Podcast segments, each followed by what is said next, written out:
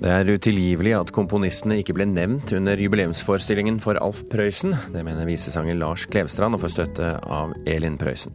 Tromsø vil lage et eget Oluf-museum, noe forfatteren Arthur Arntzen blir målløs av. Jeg blir bare taus. Men han Oluf sjøl? Han er jo død for mange år siden, men han er jo på vei opp igjen. Og den norske strømmetjenesten Wimp har gjort nazistenes nasjonalsang tilgjengelig i Tyskland, selv om den har vært forbudt siden 1945. Du hører på Kulturnytt med Birger Kolsrud Jåsund i studio. Alf Prøysen, som jo ikke skrev musikken til de populære visene sine selv, han eh, eh, Lars Klevstrand mener at det er derfor utilgivelig at NRK og Det Norske Teatret og komponistens navn ikke ble lest opp fra scenen under jubileumsforestillingen for Alf Prøysen på søndag. Han får støtte av Prøysens datter Elin Prøysen og Komponistforeningen NOPA. Du store min tid, nå kjem det som jeg tenkte. Han vil ha seg en klem. En av Alf Prøysens udødelige viser du kunne høre enten du satt i salen i Det Norske Teatret, eller så TV-sendingen på NRK på søndag.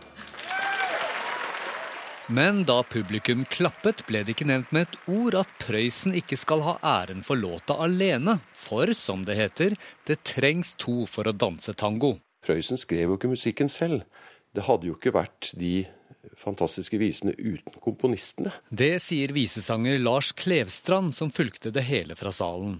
Han mener det burde vært en selvfølge at komponistene bak Prøysen-slagerne ble nevnt ved navn fra scenen. Ja, både i programmet som var trygt fra Det Norske Teatrets side, og fra scenen så ble det totalt uteglemt at det står noen komponister bak disse sangene. Dette er en unnlatelsessynd som jeg syns er nesten utilgivelig. Elin Prøysen er enig med Lars Klevstrand. Hun mener faren ville reagert. Altså, Han satte jo enorm pris på de komponistene som han samarbeida med, og han sa jo også det at det var jo utrolig hva en god komponist som f.eks. Bjørn Amdal kunne, kunne tilføre ei vise. Mari, du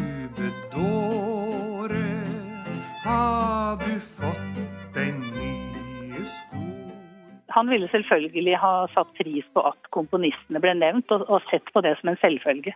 Ingrid Kindem, som er styreleder i komponistforeningen NOPA, sier komponistene dessverre ofte går i glemmeboka, på tross av at det er lovpålagt å nevne dem. Jeg siterer fra åndsverkloven paragraf 3. Opphavsmannen har krav på å bli navngitt slik som god skikk tilsier, så vel på eksemplar av åndsverket som når det gjøres tilgjengelig for allmennheten. Her syndes det mye. Det syndes uh, mye mot dette. Og det er ikke bare i streamingtjenestene, men vi ser jo også i kringkasting, både radio og TV, så syndes det. Og jeg tror publikum er nysgjerrig på det. Og dessuten så er det skikk og bruk. Og uh, så har jo også rettighetshaverne krav på det. Så det er tre ting her som skal være oppfylt. Jeg sto og stødde veggen mens alle andre danset. Jubileumsforestillingen for Prøysen var et samarbeid mellom Det Norske Teatret og NRK. Teatersjef Erik Ulfsby hadde regien. Han mener at å nevne de mange komponistnavnene fra scenen ville tatt for mye oppmerksomhet. Men det er klart Prøysen-året 2014 og denne forestillingen er jo en feiring av forfatterskapet Alf Prøysen. Slik at det er det som har vært det vesentlige å løfte fram. og slik var det også i går. sånn at uh, hver komponist især ble ikke spesifikt takket i forbindelse med hver enkelt sang. Det ville bli et litt for omfattende prosjekt. Så Derfor valgte vi fra scenen å rette en stor og kollektiv takk til alle komponistene som har bidratt, og kreditere hver enkelt arrangør og komponist veldig tydelig på skjermen. Lars Klevstrand er likevel ikke imponert. De har ikke gjort jobben sin. Det kunne vært sagt bare så elegant. Og musikken var av Bjørn Amdal. Musikken var av Robert Nordmann. Det tar akkurat et halvt sekund. Sola skinn på vei, så skuggen fell på meg. Men graset er grønt for alle. Jørgen Hattemaker, melodi Bjarne Amdal, tekst Alf Prøysen. Og det var reporter Petter Sommer som hadde laget denne saken.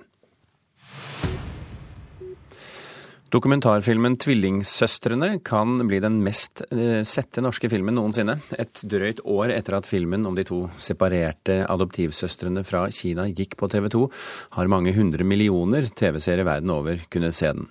Seertallene kan sammenlignes med norske spillefilmsuksesser som Hodejegerne, Kon-Tiki og Flåklypa Grand Prix. Det sier Norsk Filminstitutts fagleder til Aftenposten i dag.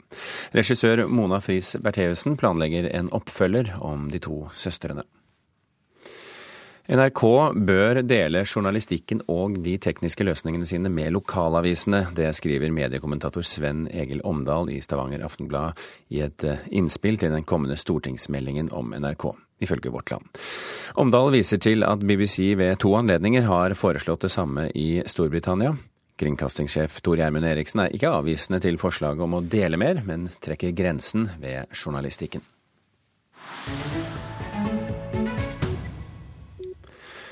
Musikktjenesten Wimp tilbyr en propagandasang som ble brukt av det tyske nazipartiet NSDAP.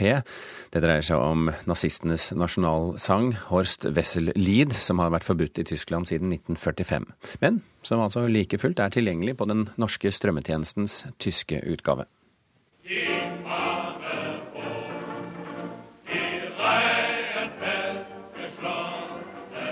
Fanen høyt, geleddene fastsluttet. Slik åpner nazistenes nasjonalsang, Horst Wessel-Lied. Marsjen ble skrevet av stormtroppføreren Horst Wessel i 1929, og har vært forbudt i Tyskland siden slutten av andre verdenskrig.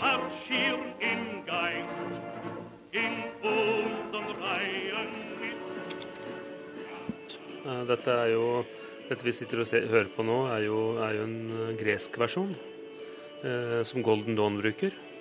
Eh, og, og, og, viser jo at det er dagsaktuelt, dessverre. Shoaib Sultan ved Antirasistisk Senter viser hvordan den gamle marsjen blir brukt til propaganda av høyreekstreme organisasjoner også i dag. Sangen ble fjernet fra iTunes i Tyskland i 2011, og det er heller ikke mulig å finne den på Spotify.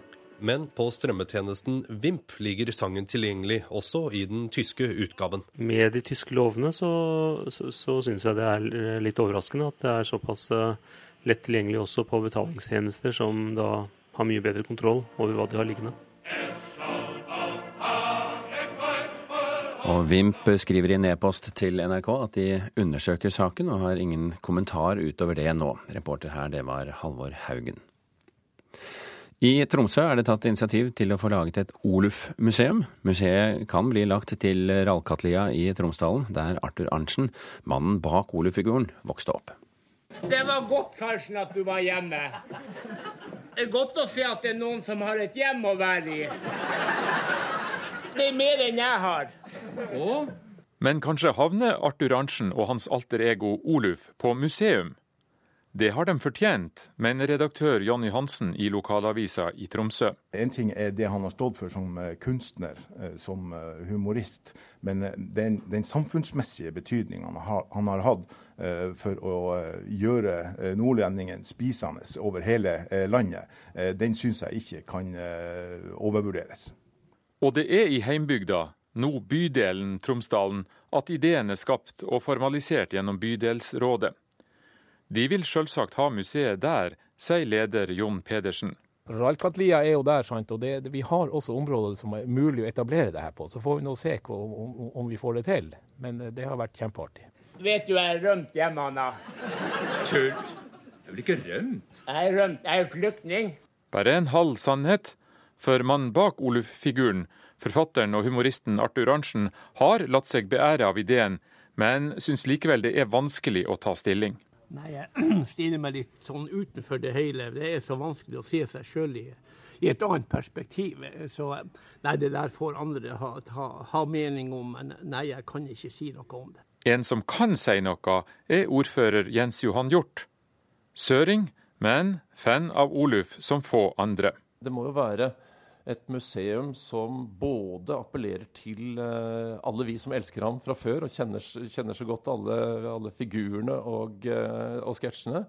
Men det må også være noe som, eh, som erobrer de som ikke har opplevd Oluf live. Sånn at det er en, en, oppgave, men den er jeg sikker på kan løses. Såpass har jeg forstått at han Oluf nok har betydd litt for nordnorsk humor hvis man skal bruke et så storveis begrep. Men, men, jo, jeg står på det. Jeg står på det at gamlingen nok kunne få litt æder. Det skjønner jeg, men jeg, det får bli han. Kan du huske det svære maleriet vi hadde over sofaen vår? Maleriet? Ideen er bl.a. å samle effekter fra et langt artistliv, bøker, filmer, TV-programmer og teater, der Oluf-figuren har hovedrollen, sier Jon Pedersen i bydelsrådet. Kanskje det aller viktigste sant? det er jo på en måte å ta vare på de her rekvisittene i første omgang. på en måte Få det på plass. og Så får man jo se hvordan man klarer å få samarbeidspartnere, både kommunalt og, og, og kanskje andre som kan være med på en måte å bidra til at vi kan klare å skape noe eh, museum på sikt.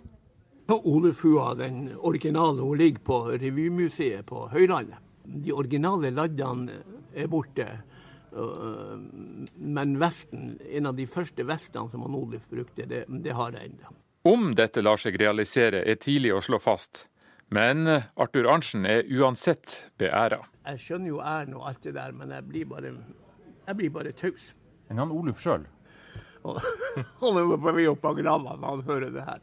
Nei, Han syns jo bare Vi er jo litt forskjellige her, og han heldigvis. Så han syns nok det er svært. Det vil jeg ikke et øyeblikk i, i tvil om.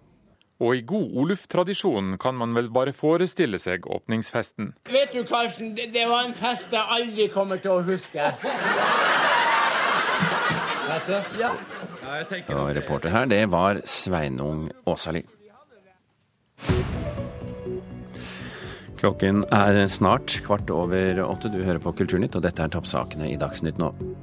Politimannen som skjøt en svart tenåring i USA, blir ikke tiltalt. Det har fått rasende folk til å samle seg i gatene i byen Ferguson i Missouri. Stopp den norske støtten til det syriske sykehuset som behandler terrorister, ber initiativtakeren til hjelpeprosjektet.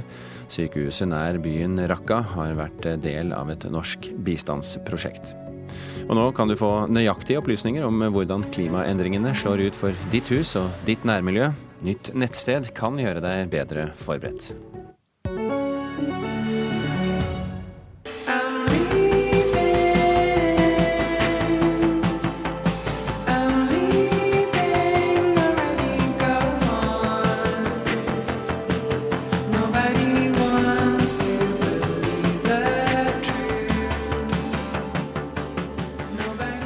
Er tittelsporet fra Hanne Kolstøs nye album 'Forever Maybe'. Dette er Kolstøs fjerde album på fire år, og anmelder Trine Jørgensen Åndal i P3. Hvordan er dette albumet blitt? Du, eh, ikke overraskende så har det blitt et veldig bra album. Eh, Hanne Kolstø har sluppet nytt album hver november de siste fire årene. Et litt sånn dagbokaktig albumprosjekt. Eh, og det har blitt bedre og bedre nesten for hver gang, og hun eksperimenterer med uttrykket sitt og føles liksom stadig mer på plass. og i år så har hun liksom dratt inn enda mer liksom, tung elektronikk i lydbildet, og det kler henne veldig godt.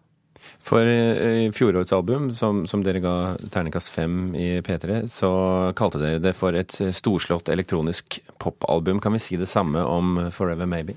Ja, det vil jeg si. Og selv om kanskje ikke musikken alltid er liksom like storslått, så, så, er det et veldig stort album. Hun utfordrer uttrykket sitt litt mer uh, i år, med å liksom dra inn både elektronisk gitar uh, og minimalistiske beats. Uh, men hovedbestanddelen er fremdeles sånn dunkle syntlandskaper, veldig sånn svevende, kjølig vokal som som hun mestrer veldig godt. Hun har en fantastisk stemme, og også en veldig sterk låtskriver og komponist. Ja, du nevnte uh, ved det forrige albumet at tekstene var veldig personlige, og du sier her at det er en slags sånn dagbokaktig følelse. Uh, har hun fortsatt i dette sporet, med andre ord? Ja, det er veldig personlig, ofte ganske vonde tekster, uten at det blir selvmedlidende. Forrige album, 'Stillness and Panic', det var det mye kjærlighetssorg, angst og ensomhet. Og det her videreført, men også kommet et steg videre. Så nå den følelsen jeg sitter igjen med etter å ha hørt på albumet, er at eh, Hanne Kolstø kanskje er litt lei av å føle så mye. Det åpner også med å synge at I don't wanna think anything, I don't wanna feel anything.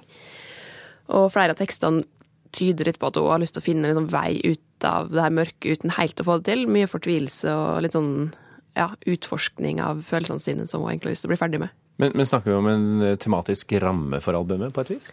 Ja, det er vel kanskje egentlig det her med å prøve å liksom sortere ut ting og, og, gjøre seg ferdig med noe uten helt å, helt å greie det.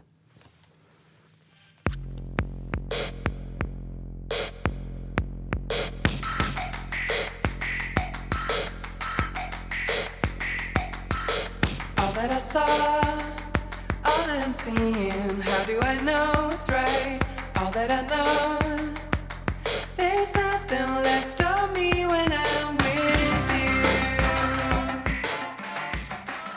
Vil du kalle dette et av høydepunktene? Ja, absolutt. Det er en veldig, veldig sterk låt. Uh, The Urge to Repeat. Uh, det, de aller fleste låtene på det albumet her er veldig sterke. Men det her er en, en av dem som pekte seg fort ut uh, for min del. Hva var det ved den som pekte seg ut? Den er veldig Den, den treffer veldig sterkt. Den går liksom under huden med en gang. og det er et eller annet når å synge at 'There's nothing left of me when I'm with you'. Det er ganske, ganske sterke ord. Um, du er åpenbart begeistret, men vil du si også at albumet avslører noen svakheter ved Hanne Kolstøs musikk? Nei, egentlig ikke. Det, det, er ikke en svakhet, men det som ofte er med Hanne Kolstøs musikk, er at man må høre, høre, ganske mange runder før det virkelig setter seg, og man skjønner hvor, hvor, bra det er. Men det er jo også et tegn på at det er slitsterkt, så det vil jeg egentlig si positivt. Kan vi eh, oppsummere for Forever Maybe i en stemning, og i så fall hvilken? Ja, det er kanskje litt den her eh, rastløsheten og ønsket om å gjøre seg ferdig med ting. Den fortvilelsen om å, over å ikke få til det, uh, som er dominerende.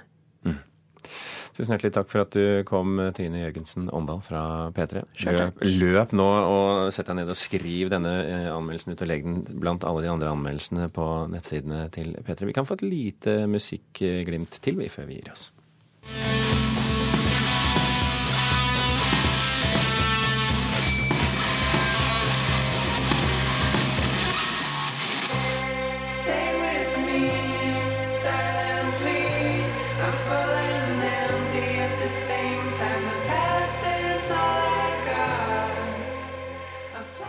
We Don't See fra Hanne Kolstøs nye album, som eh, kommer eh, og blir klart for dere som har lyst til å kjøpe det på um, fredag.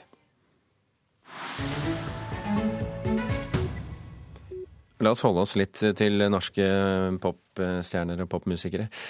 Artister med dialekt vil komme bedre ut av det i lengden hvis de synger på nynorsk. Det hevder direktøren for Nynorsk kultursentrum. Forfatter og leder for Østfold Mållag, Magne Aasbrenn, gikk i helgen hardt ut mot Oslo-pressen med sin kommentar 'Ikke prøv deg pop-babe'. Der hevder han at pressen antyder at alt Tone Damli gjør, inkludert det å synge på nynorsk, det gjør hun for pengene. Men nynorskfolket er eh, uenig. De jubler for Damli. Noregs Mållag jubler for at uh, Tone Damli nå synger på nynorsk, og vi har tenkt å høre på den, jule, den juleplata langt ut på nyåret. Lederen for Noregs Mållag, Marit Åkre Tenne, var alt annet enn skeptisk da vi spurte henne om hva hun syntes om Tone Damlis nye juleplate der hun synger på nynorsk. Hun jublet i kor med direktøren i Nynorsk kultursentrum, Ottar Grepstad. Applaus for Tone Damli. Vetle jeg sitter og ser på deg sovna. Jeg har båret deg fram, gitt deg liv. Tones nynorsk er ikke like velkommen hos Oslo-pressen, skal vi tro Østfold Mållags leder Magne Aasbrenn. I et leserinnlegg i Dagbladet denne helga undret han retorisk på hvorfor plata hadde fått så dårlige anmeldelser. Og han svarte at det nok var fordi hun sang julesangene på nynorsk og ikke bokmål. Følga meg all mi tid. Og slik hørtes Aasbrenn ut da han i går møtte Dagbladets musikkanmelder Torgrim Øyre til debatt i Nyhetsettermiddag i NRK. Jeg har følt hele tida når jeg har lest og fulgt opp den plata her, at, at den som hun sier i Fredrikstad, en tar mannen og ikke ballen. Også i det tilfellet her, da. Artisten og livsstilen hennes, og, og, og, at den ikke egentlig da får med seg hva som er på den uh, plata. Nynorskeliten tar kanskje både mannen og ballen. Både Noregs Mållag og Nynorsk kultursentrum tror det kan komme noe godt av at en artist som Tone Damli fronter nynorsken. Det er klart at Tone Damli Aaberge er jo helt åpenbart en av de største kjendisene som finnes i Norge, og kanskje et stort forbilde for særlig kanskje mange unge jenter. da. Og det at hun synger på nynorsk i ei ålmente som da, der det meste er på engelsk og mye på bokmål, det betyr ganske mye, da. All ære til Tone Damli for at hun viser hvor hun kommer ifra. Dette var jo språket hennes i skolen. Hun har, så vidt jeg vet, skrevet en nynorsknær dialekt på bloggen sin i alle år. i en bransje som er full av overflatisk motejag, og stopp på sitt.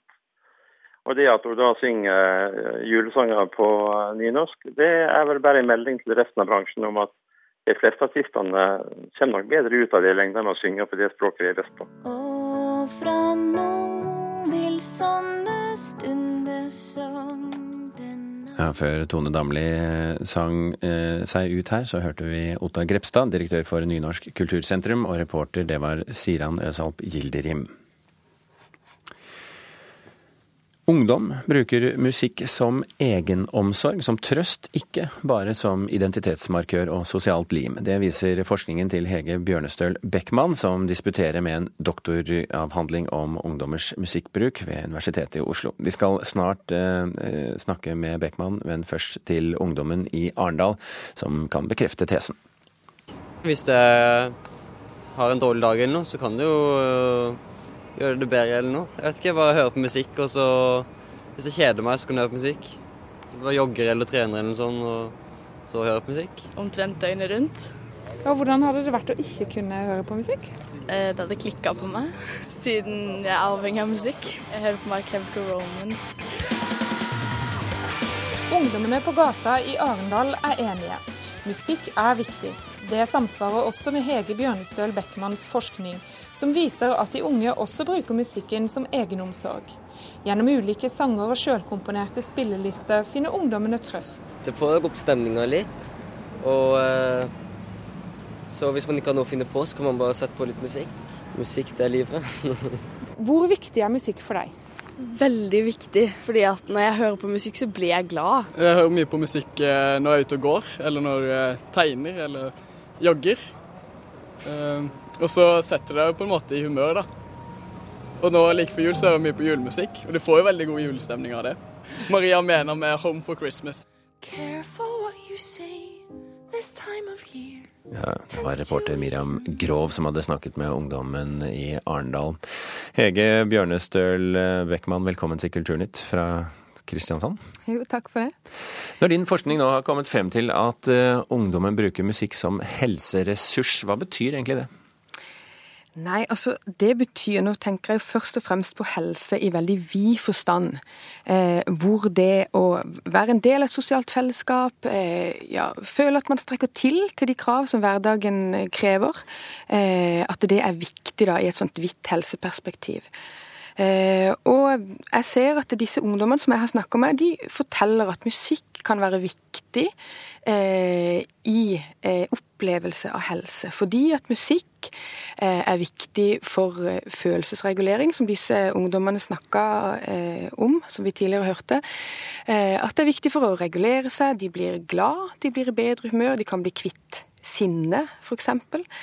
Eh, og så tenker jeg også at det er viktig i et sosialt fellesskap eh, altså hva slags musikk man hører på, hvordan man fremstår, hva man liker og hva man ikke liker. Det er med på å gi en plass i et sosialt fellesskap.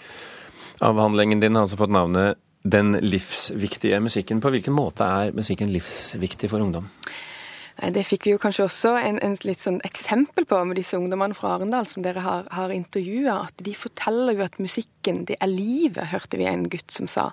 Og det er kanskje litt disse utsagnene som jeg har vært opptatt av. Eh, utsagn som kanskje er sagt med ungdoms nok litt svulstige språk. Men den forteller jo noe om at musikk inngår i så mange deler av hverdagen. De forteller at de har musikk på øret når de gjør lekser, når de jogger, trener. Eh, kanskje når de bare skal sitte hjemme og slappe av. Eh, om de er sammen med venner.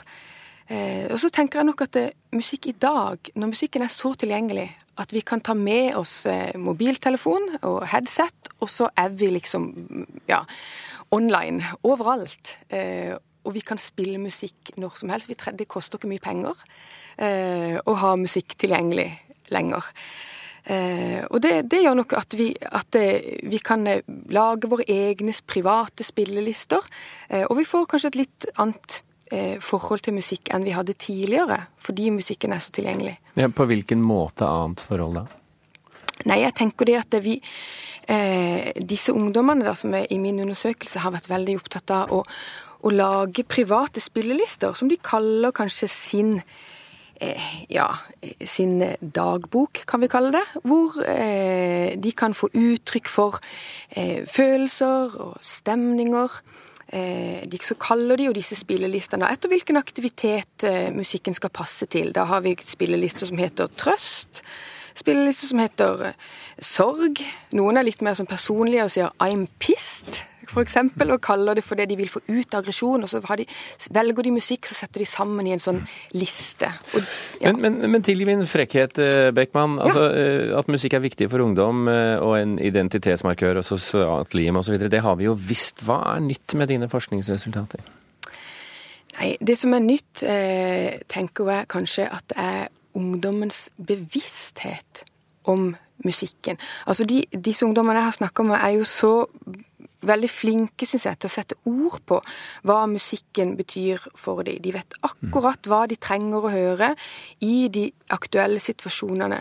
Og jeg tror nok det handler om den teknologiske utviklinga. At musikken nå er til Altså de har all mulig musikk tilgjengelig i, på Spotify eller iTunes, på disse store lyttebibliotekene. Og det har vi ikke hatt tidligere, hvor man kanskje måtte kjøpe, spare penger og kjøpe én kassett hvis man går så langt tilbake i tid. Eh, mens nå kan man liksom eh, mer, man har en mer kontroll over musikken, fordi man setter sammen eh, egne spillelister. Hege Bjørnestøl Beckmann, som altså står bak rapporten 'Den livsviktige musikken'. Tusen hjertelig takk for at du var med oss i Kulturnytt. Vi skal snart over i studio til Nyhetsmorgen og Øystein Heggen. I dag kan vi bare fortelle at visesanger Lars Klevstrand mener det er utilgivelig at komponistene ikke ble nevnt under jubileumsforestillingen for Alf Prøysen. Han fikk også støtte av datteren Elin Prøysen, en sak vi hadde her i Kulturnytt i dag. Lars Tronsmoen, Lars Ivar Nordahl og Birger Kolsrud Aasund takker for følget.